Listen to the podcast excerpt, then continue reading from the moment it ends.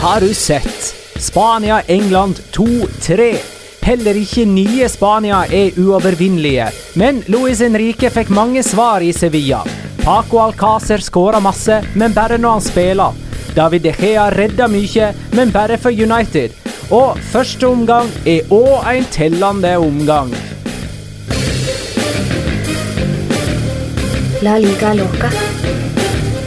En litt gærnere fotball.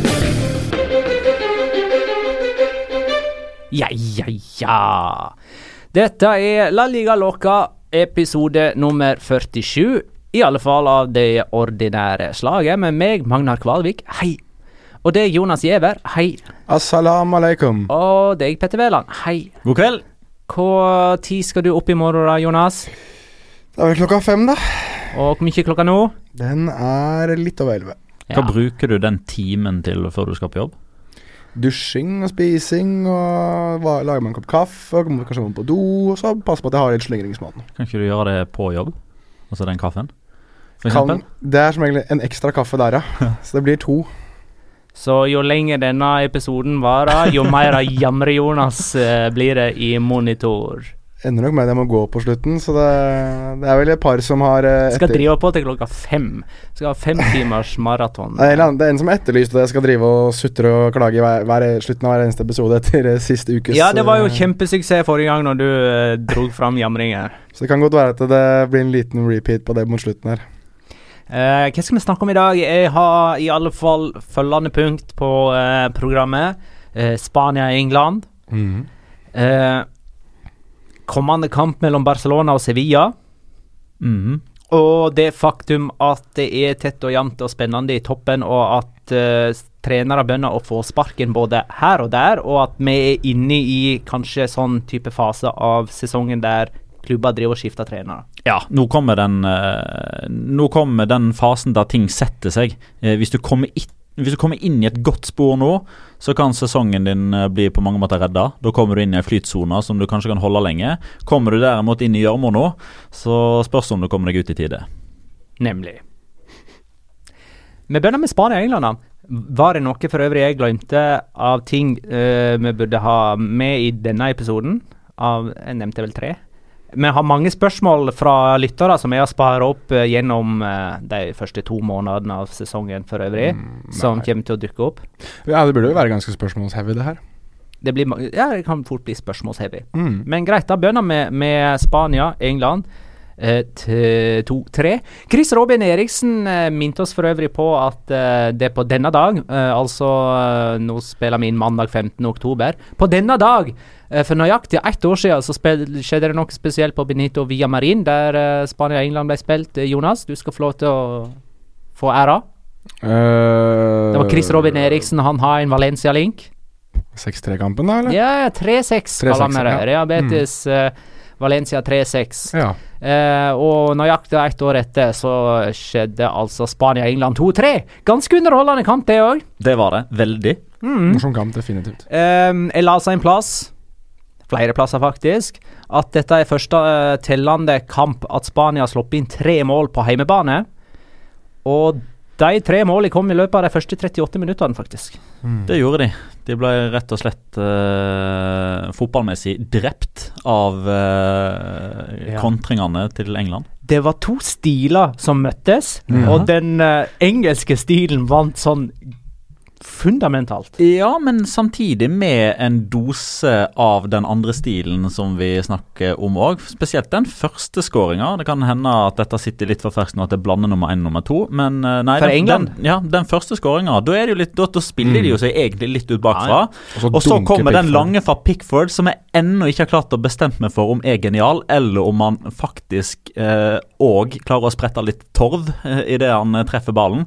Jeg tror kanskje den ballen skal være litt høyere og litt lengre, men så blir det jo en fantastisk pasning. Mm. Ut til eh, Rashford, inn til Stirling, og bang, 0-1. Det kan ikke ha vært mer enn sånn typ 6-7 sekunder etter at Pickford uh, banka den oppover. Det var Fineste skåringa av den kampen, synes jeg. Definitivt. Ja. Altså, er god konkurranse med nummer to. Spesielt med avslutninga til Stirling da, i, Ja. i krysset der. Altså, ja. Pasningen fra Rashford eh, Den er nydelig. Mm. Og, altså, jeg synes det, synes det er den flotteste skåringa. Så Det var- det var så Det var tre flotte skåringer. Ja, men det var ufattelig klinisk i avslutninga. Ja. Det var så, uh, så kaldt og, og uttagbart. Var- Altså, jeg dissa jo De Gea Ja. litt i innledningen her, men han har jo ikke sjans på disse her eh, avslutningene. Det er jo bare det at uh, hans redningsstatistikk på landslaget er jo pinlig om dagen. Mm. Og om natta. ja, så kanskje enda verre, faktisk. Eh, og så eh, andre målet til England, eh, det utspillet fra Pickford eh, der. Eh, han skulle kanskje ha vært utvist. Han skulle så kanskje definitivt absolutt ha vært utvist. Men han er den beste av de to keeperne her. Ikke Ja, ja, bare ja. pga. redninga, men pga. Uh, hvor viktig han er i, opp, eller i starten av angrep. da. Mm. Altså, det, altså nå er det nesten sånn at vi snart må begynne å snakke om tilfellet David De Gea. Mm. Fordi jeg syns det over Ja, jeg er helt enig i det du sier. Han, han skal ikke ta 0-1. Han bør ikke ta 0-2. Han kan nesten ikke ta 0-3. Men, men allikevel så er det mange, meg sjøl inkludert, som begynner å, å lure og, og undre seg over at hvorfor klarer David De Gea å ta så mange, kall det umulige baller, når han har på seg klubbdrakta, men ikke for landslagsdrakta? Nå mener jeg at dette ligger mentalt. Fordi når jeg ser eh, Manchester United spiller fotball, og David De Gea får avslutninger mot seg, så virker det som at han er eh, Altså, da føler han at det er hans sjanse til å vise verden at han på sitt beste er nettopp det, den beste. Han, han gleder seg til å få skudd imot. Han kommer ut og angriper, gjør seg større. Mens for Spania så blir han så forsvinnende liten, for han har helst ikke lyst til å komme i posisjon der han er nødt til å gjøre redninger, fordi han aldri pinadø klarer å ta en ball. Det- Og det er, som jeg også har blitt eh, påpekt overfor på Twitter, når jeg eh, av og til kommer med litt sånn hm, Er ikke det på tide å redde litt snart, Derea-tweets? Ja, det er kanskje egentlig bare den andre goalen til Portugal i VM, altså den som han fomler inn fra Cristiano Ronaldo. Det er kun den han skal ta, og det er jeg helt enig i. Men list opp, eller rad opp, ti sånne typer avslutninger som òg har kommet mot David De Gea med Manchester United-drakt, så klarer han å vatte fram en sinnssyk redning på hvert fall to av de. Ja, Du skal inn på det der med at han har alltid en sinnssyk redning på lur i Manchester United, men har det aldri for Spania. Nettopp. Ja. Nei, Jeg tror det handler litt grann også om at i, i Spania så har David De Gea en sånn falmende stjerne i pressen nå, da, og har alltid på en måte hatt en litt sånn Folk har sittet med litt dårlig smak i munnen når det har vært snakk om David De Gea. At det var en del dårlig stemning da han forlot Atletico Madrid. Det var, var dette her med landslaget for EM i 2016, hvor uh, han var uh, van- Vanskelig å si ordet eller bruke anklaget som begrep, men man snakket om at han var del av en sånn prostitusjonssak, og dette med statsministeren og ikke ville applaudere for ham på treningsfeltet for VM i 2018. Altså, det har alltid vært en sånn, en sånn stikk i sida til David De Gea uansett. og, og Eh, I Manchester United så har han alltid blitt ønsket velkommen med åpne armer av supportere, av, av spillere, av media. Etter hvert, ettersom han kom over den første tida hvor han alltid ble banka opp i pressen også. Eh, jeg, kommer aldri til å glemme det da han eh, da han hadde signert for Real Madrid, da han var klar for Real Madrid, og så var dokumentasjonen kom inn for seint på det overgangsvinduet i 2015, så var, var resepsjonen, eller det han fikk fra United-supporterne da, var liksom en sånn ekstrem applaus og Eh, sånn velkommen tilbake, nesten. Sånn du er fortsatt helten vår, selv om vi vet at du kanskje egentlig ikke ville være her, og du har reddet oss år inn og år ut. Altså Han har en sånn vanvittig standing og kjærlighet i Manchester, og supporterne har det til han, og klubben har det til han, at jeg tror at han han føler seg sikkert eh, både tre meter høy og tre meter bred i det målet til Manchester United, mens han ikke er mer enn halvannen meter høy for Spania. fordi at der, der kan han rett og slett ikke vinne uansett hva han gjør, nesten. Så, og jeg tror De Gea, selv om han virker som en kar som har blitt veldig mentalt sterk eh, med årene, så virker det som om det er den, den Spania-forbannelsen som hviler litt over han da. At han kan liksom ikke gjøre noe bra for Spania, nesten uansett. Uh, spillere som utmerker seg enten positivt eller negativt her, da, med Spania-drakt. Skal vi si litt om Nacho Fernandes i midtforsvaret?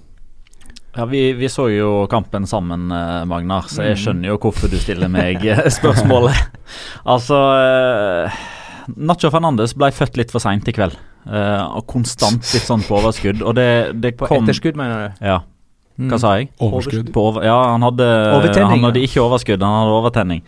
Uh, og det var vel spesielt på 0-3 at, uh, at det heva stemma ganske kraftig. For da var det Da var det Altså Nei, 0-2 var det. Når Harry Kane Uh, Ja, stemmer. Mm. Og, og da er det liksom Ja, altså Nacho er egentlig ikke involvert i baklengsmålet, men han er involvert fordi han ikke er involvert. Altså Der skal han gjøre så veldig mye annerledes enn det han faktisk gjør, fordi han han enser ikke det løpet som kommer fra Marcus Rashford, fordi han kun er opptatt av å se og fundere over hm, Hva gjør Harry Kane nå, mon tro? Å å nei, han spilte Å, der skulle jeg ha vært. Og sånn var han gjentatte ganger. Og så så man i andre omgangen Da er det ganske tydelig at han enten, enten så har han fått ei ordentlig skyllebøtte, eller så har han sett noen bilder, eller sett at telefonen gløder, eller et, et eller annet har skjedd som gjør at Nacho Da var han full av overskudd. Da var han full av overtenning, for da skulle han alltid bryte foran. Men, men da lagde han de frisparkene. Da gikk han litt for tett til ryggen på Kane, litt for seint inn på Stirling, som gjorde at England fikk den der, at det frisparket som gjorde at det gikk til 15 sekunder. Da fikk ikke Spania den flyten i overgangsspillet.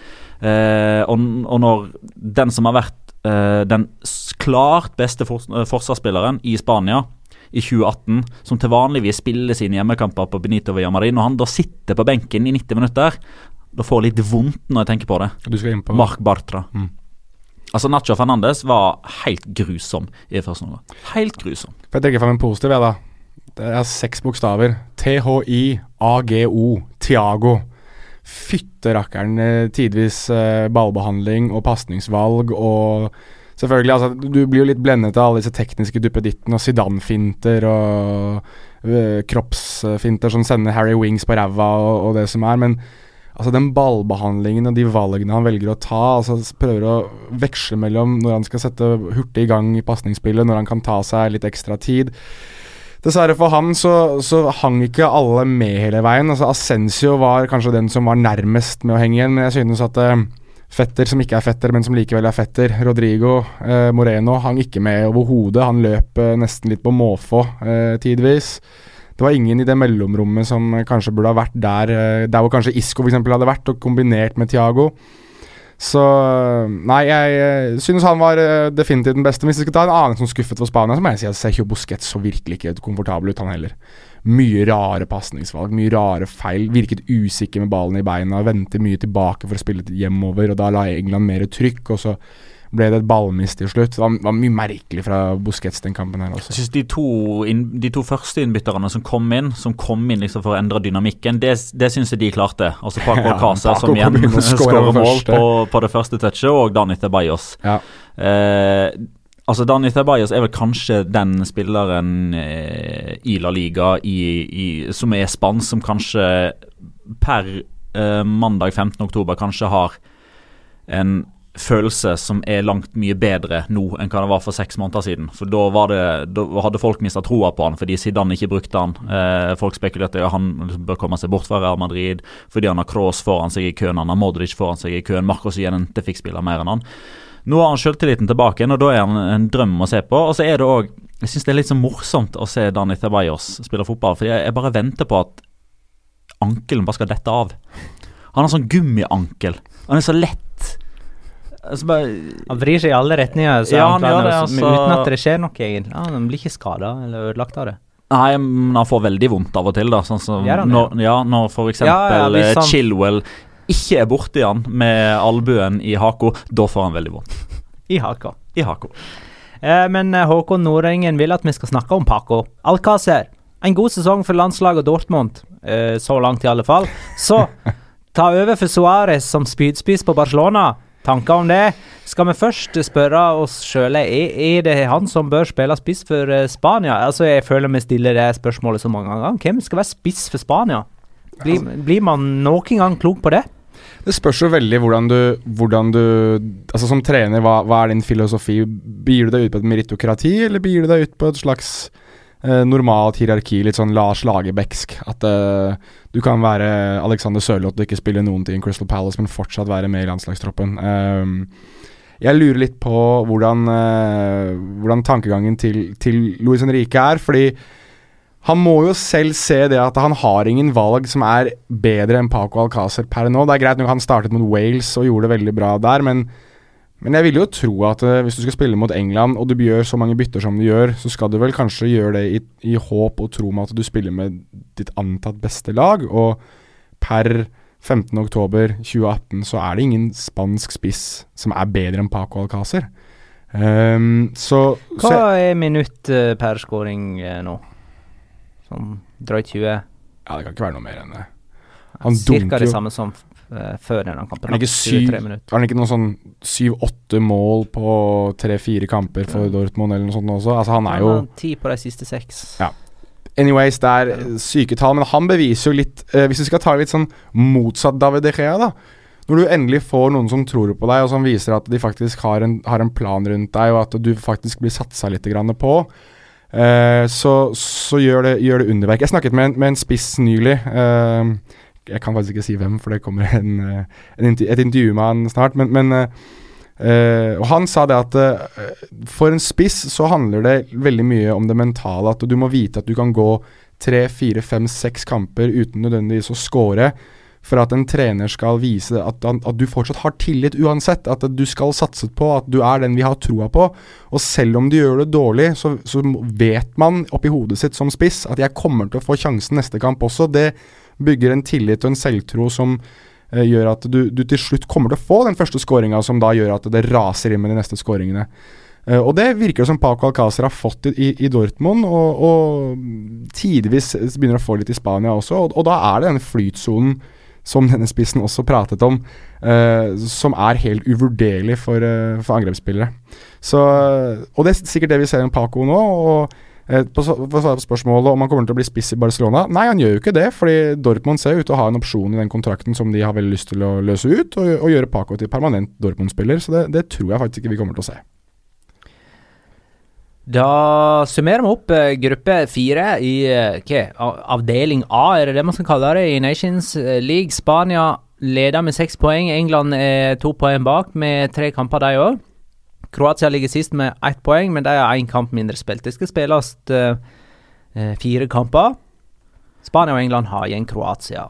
Og det er litt morsomt da at det Altså I denne gruppa her da Så er det et lag som har 10-4 målforskjell, og det er et lag som har 0-6 i målforskjell. Begge lag kan vinne gruppa. Mm. For det at innbyrdes oppgjør og målforskjell innbyrdes teller før den generelle. Ja, men for Kroatia sin del så er det jo bare så enkelt. Det er å slå eh, Spania og England, det, så har de Ja. sju poeng. Ja, det, sånn er det Så enkelt er det. for dem. Eh, men England har jo et fortrinn på Spania, da, med 3-2 borte. Det, det har de. Så hvis vi kommer i et uh, scenario i tilfelle der Spania spiller uavgjort borte mot uh, Kroatia, og det er jo den første kampen av de to som gjenstår, det er Kroatia-Spania, ender det uavgjort, og er Kroatia ute. uh, Spania blir stående på sju, og England har da fire med Kroatia igjen på hjemmebane. Og hvis England da vinner den, så går de videre på bortemål. Da kan vi snakke litt La Liga. Vi har jo hatt en eh, Skal vi bare nevne da at uh, Spania tapte en tellende hjemmekamp for første gang Ja. på 38 kamper. Ja, Ja. 2003. Ja. 1-0 mot eh, Hellas. Da har vi sagt det. For øvrig så er det Kan jeg skyte inn at det kommer til kommentarer fra Louis Henrique nå etter kampen, hvor han uh, sier at pausen var fantastisk, for normalt sett så hadde jeg gjort alt jeg kunne for å drepe spillerne. At, skriver at eh, Han har sagt at eh, første omgang var elendig. Eh, jeg må ha vært fantastisk i pausen, fordi normalt sett så ville jeg ha kjeftet på dem. Ikke drepe deg. Uh, jo, faktisk. Jeg ville ha drept dem i pausen. Så jo, han sier at han, at han må ha vært fantastisk. Estado maravilloso. Ok, men da kan vi gå inn på det som har vært en interessant La Liga-start. Andreas Milde spør eh, hvordan vil eh, Real Madrid og Barcelona og til og med kanskje La Liga utvikle seg etter Cristiano Ronaldo og Lionel Messi, og har vi fått en forsmak på det der allerede nå, med tanke på at Cristiano Ronaldo er i Italia, og Messi f.eks. blir spara i kamper som mot Atletic, eh, der det går skikkelig skeis, inntil han kommer inn og, og ordner ting for eh, Barcelona. Eh, kan ta med tilleggsspørsmålet hans. Kan eventuelt de to klubbene kjøpe noen som gjør dem like dominerende? Mbappé, Neymar f.eks. Men eh, kan noen spillere være så dominerende som det disse to har vært? Altså, det vi hele tida har sagt når eh, Nesten uansett hva temaet har vært, eh, eller hva årsaken til diskusjon har vært, eller årsaken til samtalen har vært, så har man liksom alltid bare konkludert med, eller liksom avslutta med Vi er så heldige som får oppleve dette, for dette får vi ikke oppleve igjen. Og jeg tror det ligger noe i det. Eh, selvfølgelig, altså når man ser hva eh, Kylian Mbappé klarer å utrette som tenåring, så er det jo lett å i hvert fall peke på han som et motargument. Eh, og så kan man tenke at dette her kan Mbappé òg gjøre de neste 10-15 årene. Men kan han det? Altså Det er altså så avsinn... Altså, se eksempelvis på den nærmest uh, guddommelige dyrkelsen av Mohammed Salah forrige sesong. Da hadde han én sånn sesong som Cristiano Ronaldo og Lionel Messi har hatt 10-12 stykker av. Og så har han hatt en bitte liten nedgang nå, og nå er han liksom drita dårlig, sånn i hermetegn. Eh, der ligger lista. Der har Messi og Cristiano Ronaldo holdt det oppe i 10-12, snart 15 år for Cristiano Ronaldo sin del. Eh, og da syns jeg bare det er helt naturlig, egentlig sånn hvis man ser litt svart-hvitt på det, at ja, både Real Madrid og Barcelona kommer til å få en i hermetegn nedtur. Og så er det resten av spillerne som er der, de som kommer etter, som, som kommer til å da bestemme eller diktere hvor stor denne nedturen vil bli. Fordi vi snakker spillere som de siste ti årene har ca. én skåring i snitt per spilte kamp. Det er helt absurd hvor mange mål de har skåra. Legg til målgiverne i tillegg, så snakker vi målpoeng. Som er oppe på nesten 1,4-1,5 per spilte kamp i ti år. Altså lykke til med å ikke bli svekka når en sånn spiller ikke lenger er der. Lykke til. Ja, det er et eh, Altså, det er, det, det, det spørsmålet gir sitt eget svar, men, men samtidig så Det er jo litt gøy, sånn, sånn djevelens advokat sett, da, så er det jo litt gøy å, å si at det, mange tenkte da Galacticos-laget med Ronaldo, Raúl, Beckham, Figo, Roberto Carlos osv. Da tenkte man at ja, da, nå har vi sett det beste vi kan se av Real Madrid. De vant ikke Champions League, men det er det beste vi har sett. Og så gikk det litt tid, og så var det en liten nedgangstid, og så kom Cristiano Ronaldo, og så skjedde det som skjedde. Sammen med Barcelona, da Ronaldinho var der. Ja, dette er det beste vi har sett av Barcelona. Ja, vi husker Noen husker kanskje Dream Team på 90-tallet, men dette laget her med Ronaldinho, det det Vi kommer alltid til å se noe som Ronaldinho igjen. Q Lionel Messi. Og da er det jo litt gøy, da, at vi sitter her nå Ja, Cristiano Ronaldo, Lionel Messi, vi kommer aldri til å se noe sånt igjen. Og så er det litt det at eh, Jeg tror at man har rett denne gangen. At vi kommer ikke til å se noe likt. Men det er litt gøy at eh, historien gjentar seg litt med det at vi er ganske bastante på å mene at vi kanskje aldri kommer til å se noe likt noen gang igjen. Og så, Eh, øh, og så driver vi og avviser alle prestasjoner fra 50-tallet og sånt, som bare sånn Ja, men det hadde jo ikke forsvar og sånt. Altså Tenk deg om eh, 20-30-40 år, når folk snakker om Messi, og, og det, det, det blir det samme mælet. Vil det det? Ja, ja, ja. mener du Altså, jeg 20 Ja, mener- men da er det jo i så tilfelle fordi da har mennesket lært seg å fly, eller et eller annet sånt. Da, altså, da, da spiller man ikke, da flyr man fotball, liksom. om 20-30 år, når Kylian Mbappé er 34 år gammel. Ja, fordi da har man fått sånn serum som gjør at man ikke aldres lenger. ja, riktig. All right. Nei, altså Og, og, og kan jeg skyte inn en kjapp mor morsom ting? Ja. Som for Real Madrids del, eh, noe som er litt moro, og som kommer til å forbanne Petter, for jeg syns det er litt gøy å forbanne, forbanne Petter hver gang. Eh, Brasil spilte U20-kamp, eh, og eh, Rodrigo hadde Altså Rodrigo Gaas hadde assist til Venicius junior, så nå er, var det masse greier som jeg så i sånn Madrid-fankontoer om at eh, dette er framtiden til Real Madrid. Du vet at den kampen ble streama på realmadrid.com? Og Real Madrid TV? Det er så bra! Og sikkert derfor jeg fikk det. Er ikke det helt naturlig, da? Nei, det er jo ikke det når Brasil sitt U20-landslag spiller landskamp. Men to unge lovende som er Real Madrid-spillere. Ja, ok, men Hvorfor sendte de ikke Paraguay når de hadde Sergio Diaz og en til som ikke husker navnet på? Fordi at du ikke husker navnet på han. Nei, det er jo, nei, det er jo en skam! Det er jo skam! Så du mener, du mener det blir vist Norge U21 og sånt også, med Martin Ødegaard? Ja, hvorfor ikke? Ja, nei, det Eh, apropos Real Madrid. Smile, kaller han seg. At Skole-Kim spør. Noen sjanse for at Real Madrid henter Azar i vinter, med tanke på de offensive problemene? Nei. Sistnevnte har i alle fall Hvem er sistnevnt? Jo, det er vel Azar, der, da. Sistnevnte har i alle fall flørta greit mye med Real Madrid i det siste. Han har jo svart selv. Han ble jo spurt om det i, på pressekonferansen. Han sa altså, øh, Han spurte om må du må du dra til Spania for å vinne Ballon d'Or. Og da svarte altså på pressekonferansen at uh, det, er kanskje grunnen til hvorfor jeg har lyst til å dra. Veldig åpent. Og så spurte han, uh, journalisten igjen spurte i januar, så svarte Azar nei. Så der har du svaret på det. Eh, ok, men til eh, sommeren, Det er, da? bare, Ja, ja. Det, det er bare like greit at Eden Hazard bare svarer på det spørsmålet sjøl, enn at vi sitter her ja, og ikke? Altså Det her er jo et intervju som gikk på Sky Sports, så han Smile må gjerne søke seg opp på det. Men uh, at Eden Hazard ender opp uh, på Santiago Bernabeu til sommeren, det er jeg faktisk Jeg, jeg sier det nå, jeg. At Eden Hazard går til Real Madrid til sommeren. Skriv det ned. Ok. Ja, det må jeg nesten. 15. oktober. Eh, jeg, Og så vil jeg ha det bare notert jeg, jeg tror han tar fly, at han ikke går. Ja, det er Altså, fair. Bare så det er loggført. Så, så, du, så Jonas mener at han går, Petter mener han tar fly. Men at han ender opp i Madrid, det er vi enige om. Ja. Skal eh, en liten tur innom Joy Slava sånn i månedsskiftet juni-juli. Da koker det bra på Joya Slava. Da er det, det hasardiøst god stemning inne på Joya Nei, nei, nei. Der setter faktisk igjen i foten. Kan jeg komme med et, et, et, eh, et rykte som vi i La Liga Loca kan erfare for øvrig? Ja. I dag eh, så er det en spiller som har blitt observert i Barcelona, som kanskje vi er litt interessert i. Sander Berge landet i Barcelona i dag, ja. for, for de som lurer på, på det. Da tipper jeg han skal til en av de mange idrettsfysiologene som bor og jobber i området. Jeg sier ikke Jeg vet ikke hva han skulle. Jeg vet bare at i dag, på flyplass i Barcelona, så har Sander Berge blitt observert. Og der spurte jeg vedkommende som observerte han, var han der for han skulle på mellomlanding og videre til Belgia. Nei, han hadde visstnok gått og hentet bagasjen sin, så han skulle videre et eller annet sted I så tilfelle så ville jeg ha ringt uh, Sandeberg og gitt beskjed om at det, det finnes nok uh, mer kurante steder å mellomlande hvis du skal fra Norge til Belgia. Ja, det var det jeg uh, spekulerte i òg. Er, det- er det sånn Du mellomlander vel ikke der, tenkte jeg. Men eh, vedkommende sa at eh, nei. Jeg Hadde sett Sander Berge først, var 97 sikker, og så kom det en melding litt etterpå. Nei, det er han. Han er i Barcelona. Uh, nå er vi inne i denne Q&A-type Espanol Segmentet. eller Barcelona, tenker vi da. Barcelona. Jeg har også snakket for øvrig. For Det blir spennende. Girona.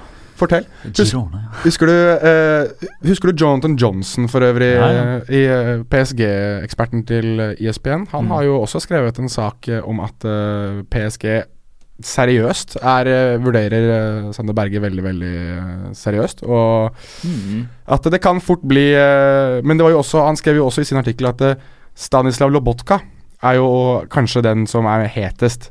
Og da er det jo litt gøy å tenke at hvis Lobotka går til PSG, så åpner seg plutselig en rolle i Celta. Så det er i hvert fall ting å følge med på i Spania, hva angår Sander Berge. For han er der også. Isco de Dog skriver kun sju runder gjennomført. Det vil si, nå er det jo åtte, da. Eh, Ja. Det var før sjuende runde. Nei, før åttende runde. Men uansett. Hvilken spiller har imponert mest, og motsatt, så langt? Og hvilken spiller-talent eh, burde vi holde et ekstra øye med denne sesongen?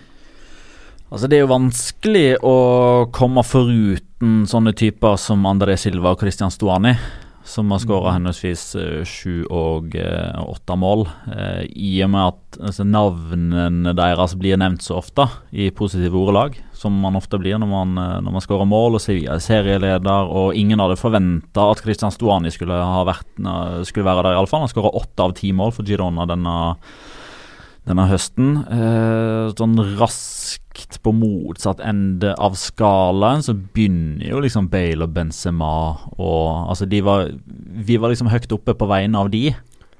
Det er ett navn på spillere som har eh, vært dårlige. Det er ett navn. Og det er Geronimo Roli. Jeg kom, og punktum finale.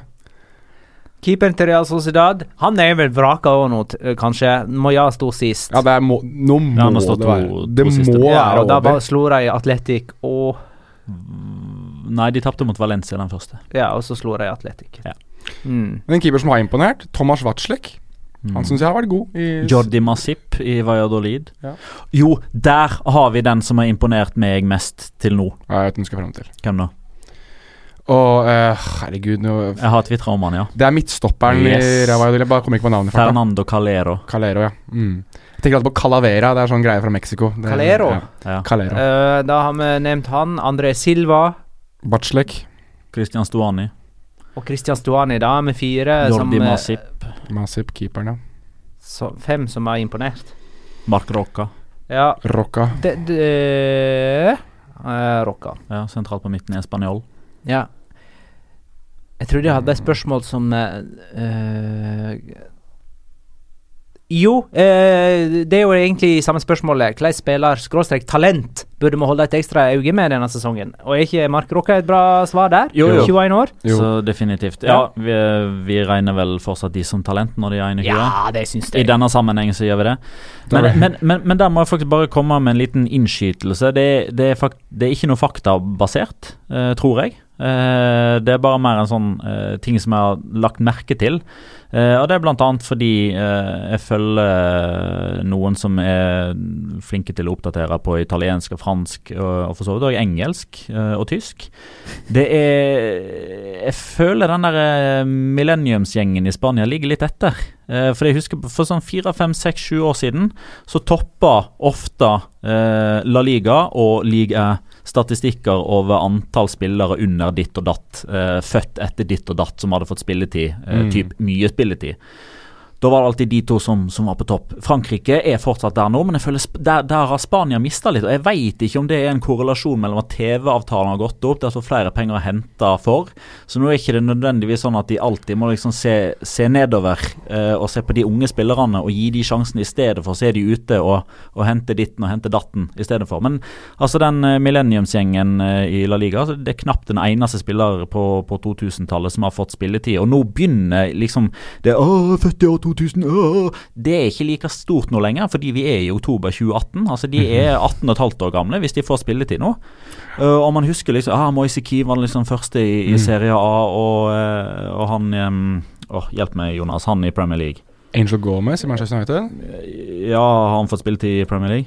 Han har spilt for Manchester United i hvert fall. Ja, ja, mulig det er der jeg har det fra. da Men, men du ser liksom Og, og det kommer fra, fra, fra Bundesliga, og det kommer i hvert fall fra liga. Men i La Liga så er liksom Det er Ferran Torres, liksom. Og, og that's it. Vinicius. Jad- Jaden Sancho i Ja, i, i Dortmund. Borussia Dortmund. Hva da? Vinicius var vel den første Real Madrid-spilleren? Ja, det var han vel. Stemmer det. Det, er, det er et godt poeng, men jeg tror Kan det Han også, fins ikke, så han teller ikke med. Kan det være, kan det også ha noe å gjøre med at veldig mange av de klubbene som er i, i La Liga, er Vi har snakket om disse miniatyrklubbene som kommer opp og, Der er du inne på noe. og dermed tar med seg en del spillere som har vært med i lavere divisjoner også. Kan, kan, veldig ofte så får vi jo nå Vi får jo se en del sånne Kall det middelhavsfarere, da, som har prestert på de lavere nivåene som disse klubbene har visst om i en lang, lang tid. Og når de da endelig kommer opp, så tar de dem med seg, og så klarer de sammen med klubben å heve nivået sitt. Og dermed er det, er det ikke like nødvendig å fostre fram unge spillere. Og så er det òg sånn at eh, altså de en del av de klubbene som har rykka ned fra La Liga de siste årene, altså hvis vi går tilbake til Saragossa, til Deportivo, til Malaga altså ganske mange store klubber som òg har en god ungdomsavdeling. Eh, som nå, håper jeg, når, når de unge spillerne får spilletid nå, så er det så, i så tilfelle i, i Segunda og ikke i La Liga. Mens de lagene som kommer opp, altså Alaves, eh, de har ungdomsavdeling, ja, men det er på ingen måte en kall sånn talentfabrikk. Altså de, de, de fabrikkerer ikke spillere som, som går inn og tar nivået. Eibar altså det, det er først nå de er i ferd med å bygge Ciudad Deportiva, altså et eget treningsanlegg som klubben eier. Girona har et B-lag som spiller i Peralada, som ligger en times kjøring unna der klubben egentlig hører til. Uesca har ikke noe B-lag å snakke om. Leganes, altså vi så eh, Benjamin-laget eh, i Norway. Cup. Ja. Det var liksom ikke sånn at du så ah, han treeren. Mm, han spiller i La Liga om fem år. Du fikk liksom ikke den vibben der.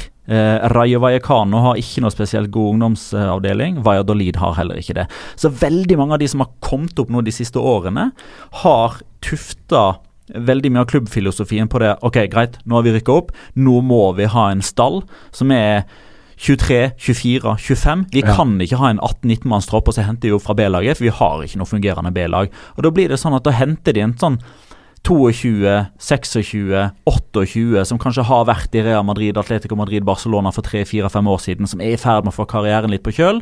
Og så satser de på at noen av de treffer blink, og så kommer ikke disse 2000, 2001, 2002 i like stor grad som i sin tid, da. 96, 97, 98 kom. Uh, da går vi videre til eh, litt eh, oppsummering av Dette lovte vi nemlig i det forrige episode, at vi måtte summere opp litt av videodømmingen. Ja. Så langt. Ja. Ja, åtte runder med videodømming i La Liga. Hva skal vi si? Eh, suksess, eh, så klart. Men det er menn her òg. Ja. Det, det har over- overhodet ikke noe blitt sånn at eh, det ikke finnes polemikk, at det ikke blir debattert. Det er ikke sånn at alt er rett. Eh, vi kan ta en sånn kjapp sånn objektiv eh, gjennomgang. Eh, det har nå blitt spilt åtte serierunder, men eh, Rayo Atletic har ikke blitt spilt ennå. Så det er 79 kamper som har blitt eh, spilt til nå. 69 ganger så har eh, videodømming offisielt blitt tatt i bruk. Eh, da må vi jo da ha i bakhodet at videodømming skjer hele tida. Absolutt alt blir monitorert. Ja, Og- og i alle hvis- fall så lenge det er snakk om de fire. Jo, men absolutt, absolutt alt blir sjekka. Ja, ja. Altså for Noen ganger, eh, spesielt, jeg har lagt merke til, noen av de engelske kommentatorene har ikke nødvendigvis fått en sånn innføring i protokoll og hva som egentlig skjer. For det, noen ganger så får vi liksom høre om at ai, denne har ikke videodommeren sett på, for her ble det ikke stopp i spillet. Det er helt feil. Videodommerne ser på absolutt alt. De må ikke gi beskjed til en dommer for at han skal stoppe spillet, for å gi beskjed om at nei, her skjedde det ingenting. Da, da fortsetter bare spillet. Så absolutt alt blir sjekka. 69 ganger så har eh, VAR sin eh, involvering gjort at spillet ikke har kunnet blitt satt i gang igjen. Altså typ under, under. VM så snakker kommentator om at oi, nå, nå lyser den røde lampa. Eh, Så nå eh, blir bildene sjekka av VAR. Typ 69 ganger så har de røde lampene blinka. Og gjennomsnittstida på disse 69 eh, interrupsjonene, som man eh, rent oversatt kan kalle det for, er 70 sekunder. Eh, 25 av disse 69 gangene så har dommeravgjørelsen blitt endra. Altså det som har blitt dømt, har blitt enten omgjort eller trukket tilbake igjen. Det er ett straffespark som har blitt gitt, som i etterkant har blitt trukket tilbake igjen. Det var faktisk den aller, aller, aller første VAR-situasjonen i La Liga-sammenheng. Det var når Mateo Lahos dømte straffe, men reprisen viste at forseelsen skjedde utenfor. Eh, det er syv straffespark som har blitt gitt etter at eh, VAR-bilder har blitt konsultert. Det er seks annullerte skåringer. Det er åtte skåringer som har blitt godkjent etter at det først har blitt annullert. Det er to utvisninger. Og så er det òg ett tilfelle av identifisering. Altså det er blitt gitt et gult kort til feil spiller. Ni ganger har dommeren løpt bort til denne monitoren. Og da er det såkalt on-field review, en subjektiv vurdering. Og samtlige ni ganger så har det han skal se på, blitt bekrefta. Altså hvis eh, eksempelvis eh, videodommeren mener at eh, her må du se på bildene fordi vi mener at dette her er utfallet, så har det blitt utfallet ni av ni ganger. Men av disse 80 kampene så er det kun fire kamper som hadde endt med et annet sluttresultat, hvis vi ser ekstremt svart-hvitt på det. Vil si bare fjern den VAR-situasjonen. La den opprinnelige avgjørelsen stå. Villarreal hadde tatt ett poeng mot Girona. I stedet for så endte det med Girona-seier. Ehm, Real Madrid Español, der vant Real Madrid 1-0. Hadde ikke VAR eksistert, så hadde den skåringa til Marco Ascencio blitt annullert, og kampen hadde endt 0-0. Rayo Vallecano Español, det er akkurat det samme. Der hadde Español vunnet 2-1. Hadde det ikke vært for videodømming. I stedet for så endte det 2-2. Og Celta Vigo hadde tatt poeng borte mot Sevilla nå i forrige serierunde. Så har Det kan bli viktige poeng til slutt, men det er ikke, Så det er ikke mye eh, Og så- Og så kan man heller ikke da si at på grunn av det uh, Nei, så tapte de to Mm. poeng, bla, bla. Det, er derfor kanskje sånn. det viktigste med det, det. det er nettopp det. Men det morsomste, det er jo den dommeren i La Liga oh, som flest ganger har blitt korrigert av sin videodommer. Det må jo være. Matheo Laos. Sjølveste. Fem ganger. Men han leter seg korrigere òg, da. Jo, men Ja, han men har ikke noe valg, jo fordi det er dette. objektive. Det er Jo, ikke det er objektivet, Matteo Laus har ikke vært ute på monitoren ennå. Nei, for han eh, Det er sånne type Han dømmer straffe, og så viser det seg at det er utafor, og det kan han faktisk ikke protestere på. Det er nettopp det. Eh, Type sånne situasjoner. Så de- offside og Ja, sånn. ja, altså Matteo Laos eh, Altså To ganger i Rayo Vallecano Sevilla. Ene gangen så blåste han frispark. Nei, han blåste straffe. Nei, unnskyld. Han blåste frispark, og så viste det seg at det var innenfor. Eh, assistentdommeren hans annullerte skåringa til André Silva, som i etterkant ble eh, godkjent. Og Så hadde han Atletico Madrid eh, borte mot eh, Celta Vigo. Da eh, hedda Gustavo Cabral inn det som da man trodde var 3-0. Ja. Den ble annullert i etterkant fordi det var offside. Eh, Real Madrid Español, den snakka vi nettopp om. Han, an, eh, han eller assistenten da annullerte skåringa til Luka Modric, nei, eh, Marco Ascencio, som i etterkant viste seg at det var en helt legal skåring. Og så var det noe sist mot Valladolid Uesca, der Leo Suárez satte ballen i mål, og så viste videobildene at det var offside.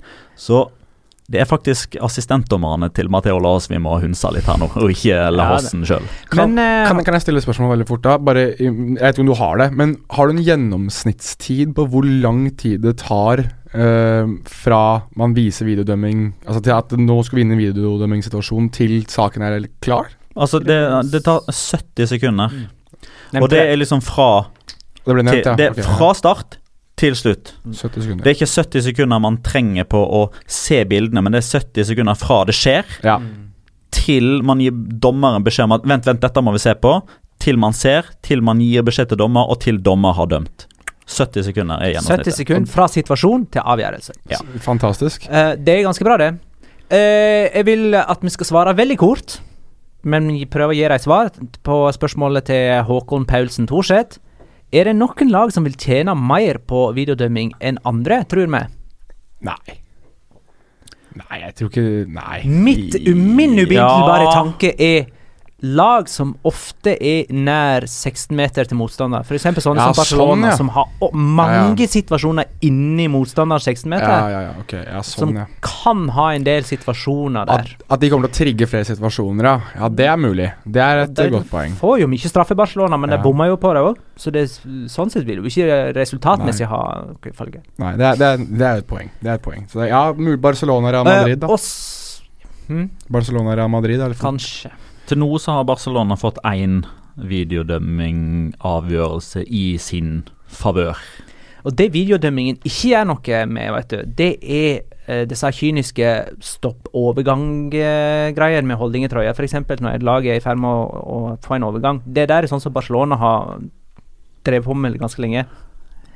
Det vil ikke få noen videodømmingskonsekvenser eh, mot dem, da. Det det, det har vært Men- litt sånn typisk Barcelona. De står veldig høyt med, med mange spillere. Eh, spiller ballbesittende på motstanders banehalvdel. Mister ballen, og så gjør de alt de kan for å Mm. lage frispark eller stoppe den overgangen som kommer. Men før vi, før vi avslutter VAR, eh, så må vi ta to ting som er det negative. Det som ikke har vært bra Mhm. til nå.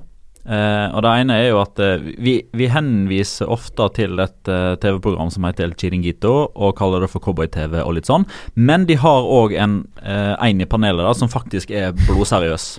Som jobber som, eh, som ingeniør og som arkitekt til vanlig. Som har et program. Jeg vet ikke om jeg skal kalle det analyseprogram eller hva det er for noe. Ja, men ja, ja, han ja. klarer da altså å i dette programmet her og få simulert eh, alle mulige eh, tenkelige scenarioer og situasjoner på alle mulige fotballbaner i Spania. Det betyr at han mener da, eh, og da må vi selvfølgelig ta dette for god fisk, at vi tror på fyren, og at dette er legit, og det, det gjør jo jeg. Altså Dette er en mann eh, med, som viser seg på TV, som har et rykte osv. Det er liksom ikke bare en som sitter bak en korridor og som ikke vil ut med navnet sitt eh, osv. Han har gjentatte ganger eh, Hva for et begrep er det de eh, Altså, retratado eh, er et eh, ord. Eh, hva er det vi kan oversette det til? Eh, altså at de har Re re Nei. retreating, liksom? Sånn det er ikke, det er Nei, ikke altså, slekta ikke på det. Nei, altså okay. uh, uh, Han har blitt altså, retratado. Altså, noen ganger så har man òg brukt dette begrepet uh, når noen har tatt grundig feil. Altså, du blir uh, hengt ut, uh, typ. Uh, det har da han gjort mange ganger med VAR når det gjelder offside.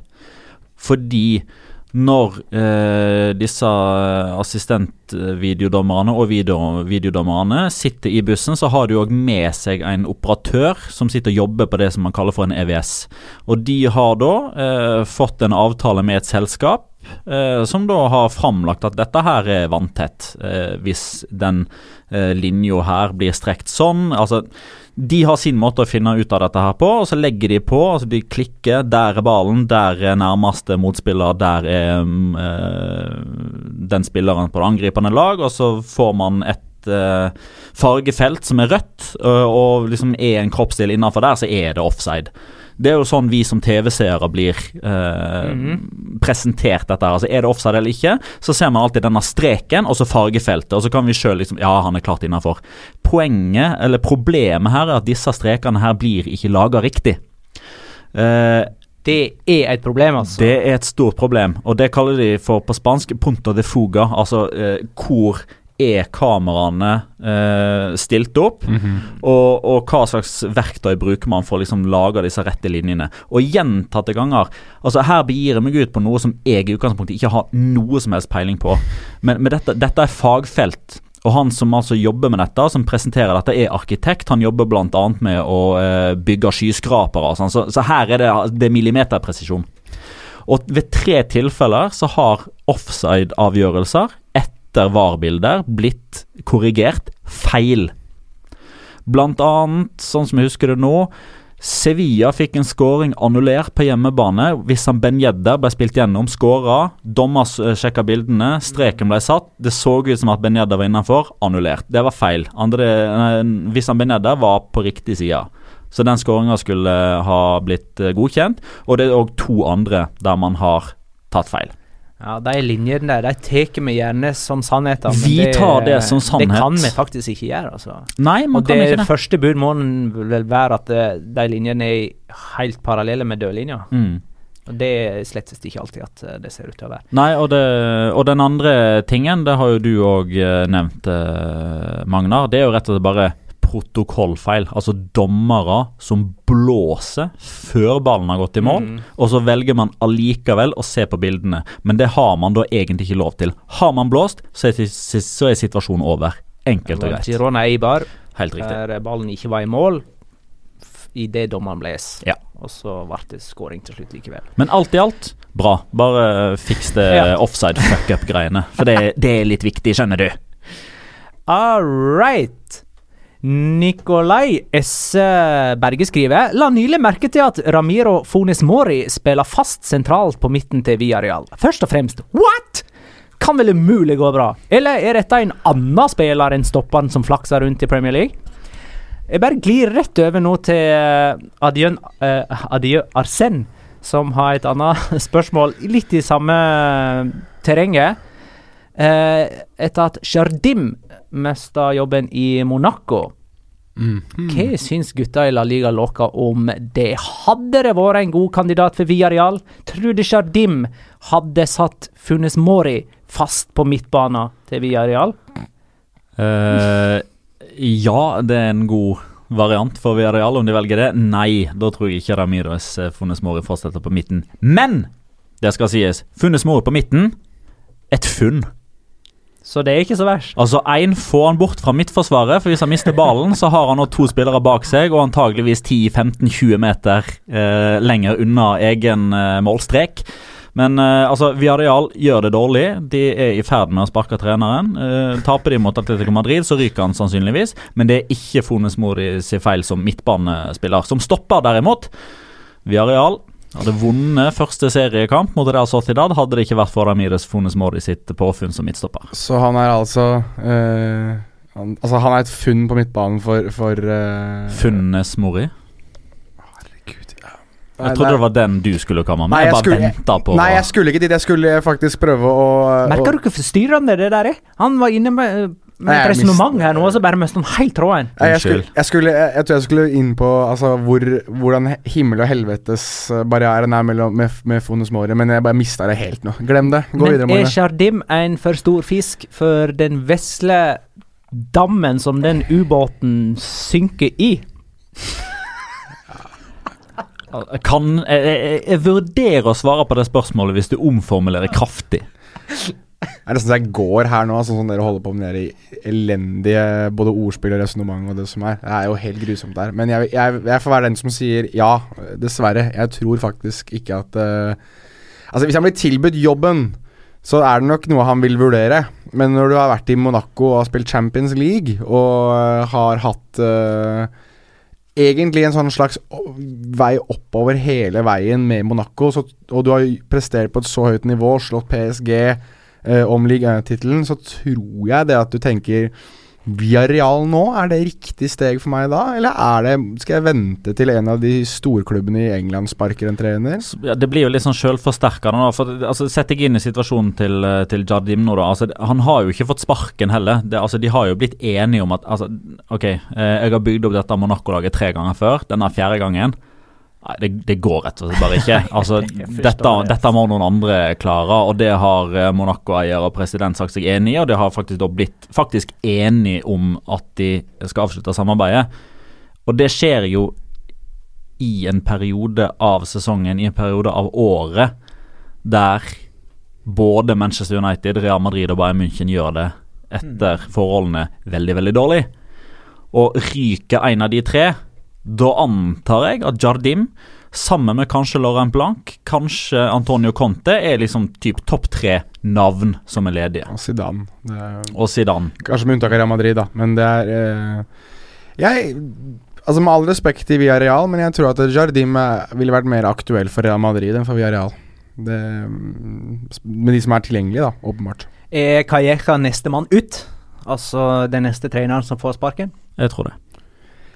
Ja, jeg hadde jo han før Leo Franco, så jeg må jo nesten bare kaste meg på uh, for alt det er verdt. Og, Martin Gale, vet du, doble innsatsen. ja, ja, det. ja, ja. Det her er all, Nå setter jeg all, hele huset på at det er Calleja som må gå. Da eh, peiler vi diskusjonen over på eh, kommende helgs storkamp på Kamp nå. Barcelona mot Sevilla.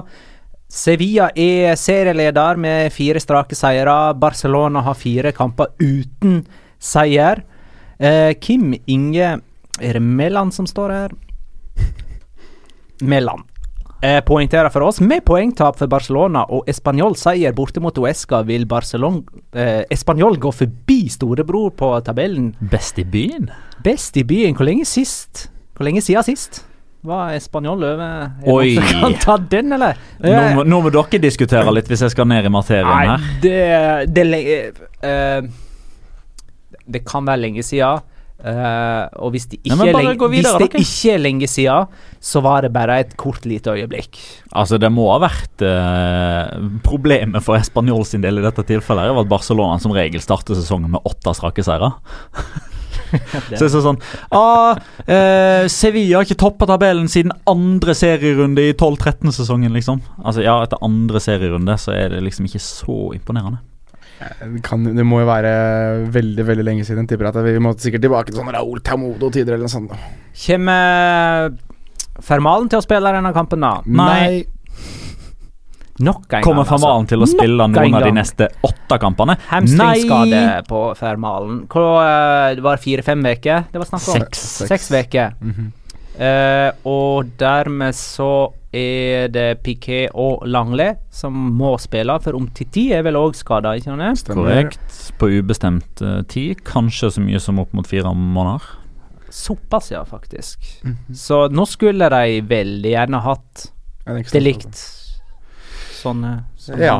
Det begynner vel uh, for alvor å rykte nå. Det, var- det var vel um, Var det han derre Gerard Romero, han derre derre, som uh, påpekte litt tidligere i dag at eh, Barcelona er på jakt etter stopper nå. At de, må, at de kanskje må fremskynde planene sine for sommeren til, eh, til januar med stoppekjøp. Og da er det jo Matais de Ligt, da, som uh, er den stopperen som sikkert uh, sniker seg fremst i køen for, uh, for Barcelonas del. Dette var en spiller som Ajax brukte på midtbane på diverse stadier. Sånn mm. på aldersbestemt kanskje, eller noe, for at han skulle ha teknikken til å være en god igangsetter som midtstopper. Ja, det er mulig. Jeg, eh, jeg Jeg La la en dette en plass. ja, nei, du, så jeg bekrefter, jeg spurte ikke. egentlig.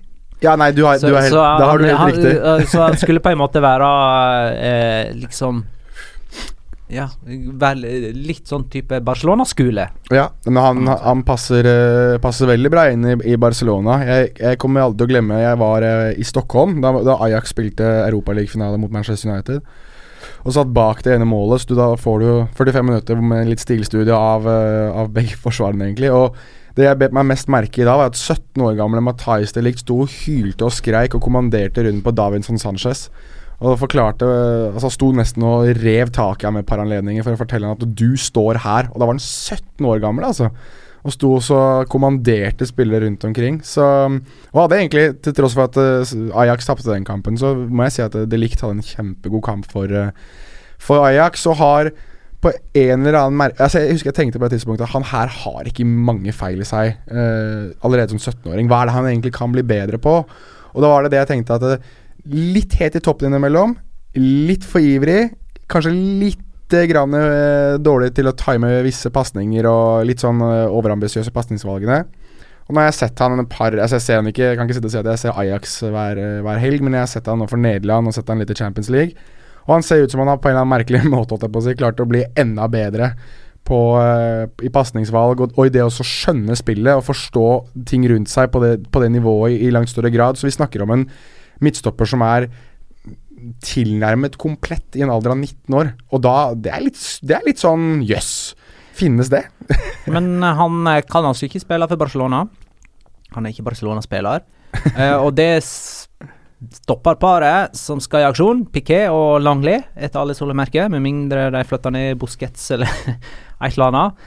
Det møter jo eh, det Hva skal man si, da? Det ene spissparet som virkelig leverer sammen. Mhm. Eh, André Silva og Ben Yedder.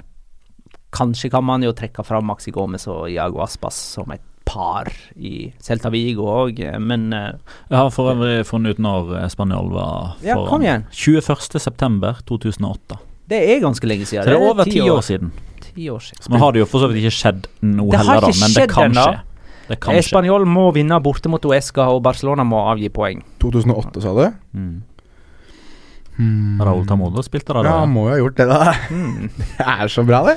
Det er gjerne sånn standard eh, Et eller annet positivt med Spanjol. Ja, det må ha vært når Raúl Tamodo Ja, det er nettopp. nettopp. Men eh, jeg vil at det er denne kampen vi skal tippe på. eh, Magnar sier 3-1 til Barcelona. Franco Vasques er første målskårer. Jeg sier 3-0 til Barcelona. Messi.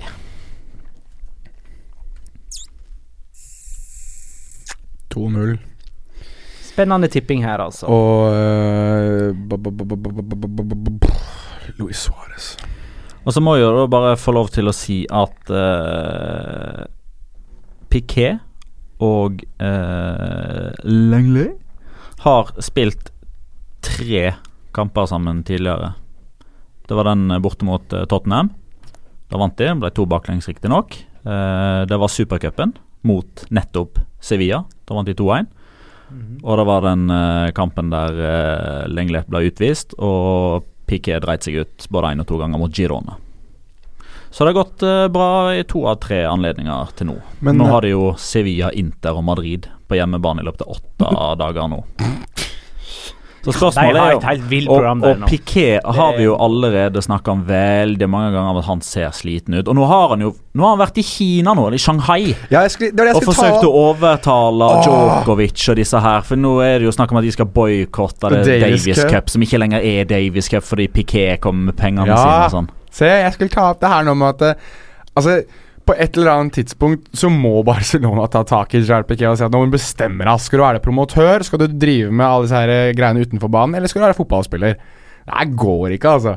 Altså, jeg, jeg har vanskeligheter med å ta Gerard Piquet seriøst som fotballspiller, sånn som han holder på nå. Dette er mannen som liksom på et eller annet tidspunkt skal bli president i Barcelona og skal være en sånn flaggbærer for Catalonias stolthet.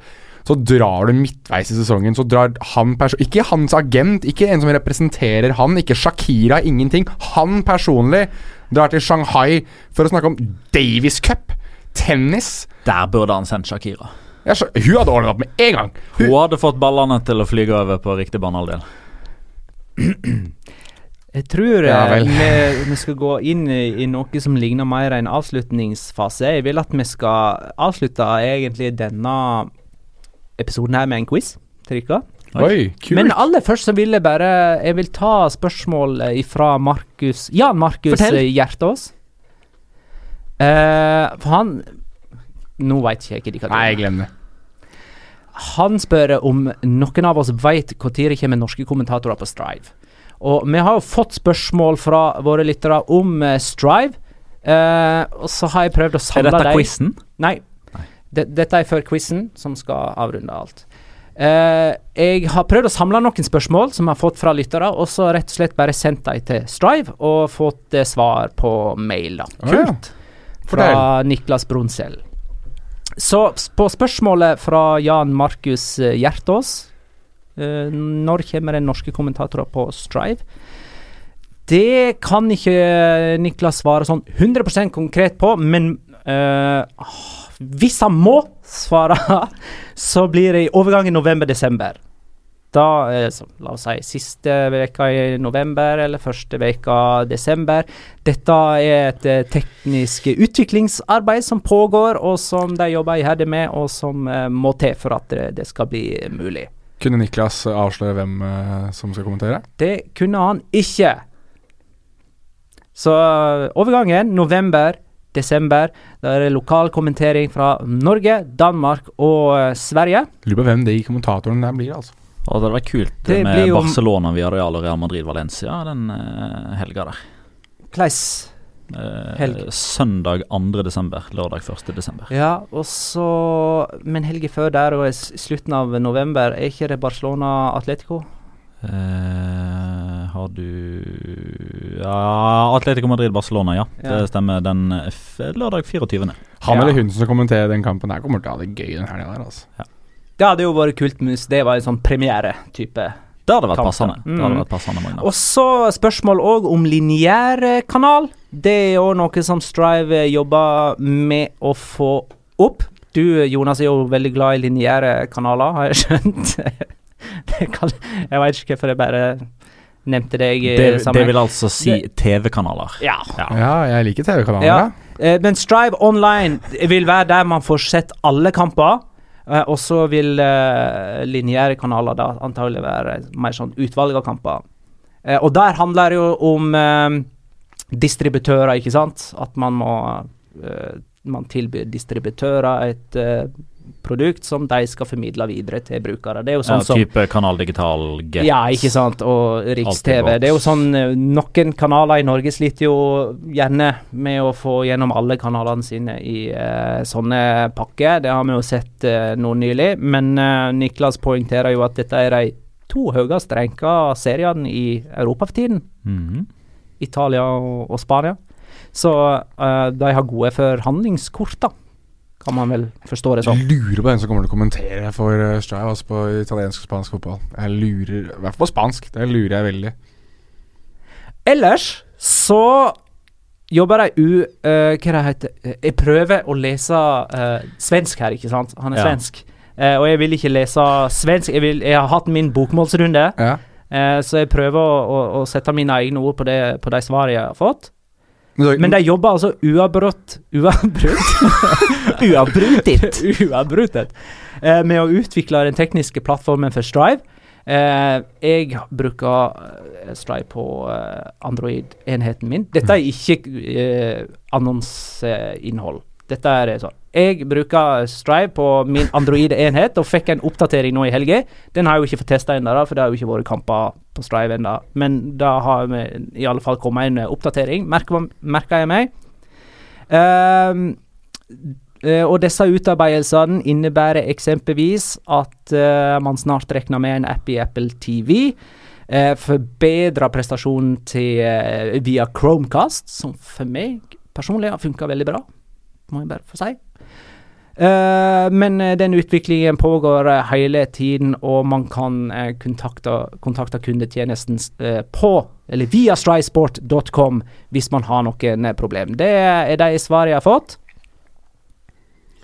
Det er de svarene jeg har fått. og så eh, kan vi ta quiz. Jeg håper det var sånn noenlunde utfyllende. ja da. Ja. Eh, det er ganske tidlig i, i, i tjenesten uh, Strive, dette. Så, Så VG pluss var inne og viste en uh, Ja, de har vel. Tror de får velge én kamp fra La Liga og Serie A siste helge hver måned. Fram til nyttår. De kjørte studio og egen kommentator og det som var, de. Så det, Full rulle. Hæ? Ja, full rulle. Så du på det? Ja. Var det bra? Jeg så, så ikke noe på det. Jeg hadde på Striven. Jeg satt vel på jobb den helga så jeg fikk med meg Men jeg fikk med meg at de viste det på både Strive og VG. VG+. Så det, det er kult da at det er faktisk noen som lager en studiosending og som gjør noe litt ordentlig med produktet. Det må man faktisk si. Helt enig. Avslutningsvis fra Halvard Lindstad. Fifa 19 er ute, og i den forbindelse har jeg eh, sett litt på de beste spillerne i La Liga i ulike kategorier, skråstrek ferdighetstyper. Klarer ekspertene å gjette riktig, eventuelt er de enige? Og her kommer lista. Sjanseløs på Fifa. Beste innlegg. Hvem på, i La Liga har den høyest rangerte beste innleggferdigheten på I, Fifa? på Fifa. Mhm. Og Da snakker man utelukkende innlegg. Ja, du kan Du har en innleggs uh, ja, det er så rating, crossing eh, Ja. Du har det. På Altså Crossing, det er jo Sergio Ramos. Men jeg regner med at det ikke er sånne crossere man regner med. Nei, cross, cross på engelsk er Nei, jo da et hvor vanskelig er det? Innlegg! Jonas? Å, herre, jeg spiller jo Fifa, så jeg burde jo øh, slå gode innlegg av. Eh, og ta han først, jeg må tenke to sekunder. Jo, eh, Petter? Altså, Kommer seg rundt Ibai på kant. Gomez Mhm. Han slår de beste innleggene. Det er ikke sikkert Fifa er klar over det. Uh, det må jo være altså, Herregud, da. Uh, Ja, da- svaret er Ja, Pedro Leon. Det er Pedro Leon. Er det, det er Pedro Leon. Enige, uenige? Ja, nei. Ikke noe lenger Ja. diskusjon. Ja, enige. Beste heading? Det tror Stuani. Ja, William José. Nei. Han er Maxi Gomez. 36 år gammel, eller noe. Adoris. Ja. Ja, han var det før. Fifa faen, må ikke henge med i svingene. Hardeste skudd. Hardeste skudd. Hardeste skudd. Ascensio. Sånn Thunderbolt. Uh, Asensio sier Petter. Jonas. Chema Rodriguez. Gareth Bale. Ja, ok. Sterkeste, altså sterkeste fysisk. Sterkest spiller. Strength. Jeg husker, jeg husker at Oscar de Marcos var noe helt vanvittig sterk på noen, øh, på noen runder. Men øh, det er nok ikke han nå lenger, tror jeg. Ehm, det må jo være en midtstopper om 10-10, tipper jeg. Mhm. Jeg svarer Jeg får svare eh, Ramos, er det. Det er Diego Costa, og han har likt med Maripan. Mm. Midtstopperen til Alaba. Gishe Maripan.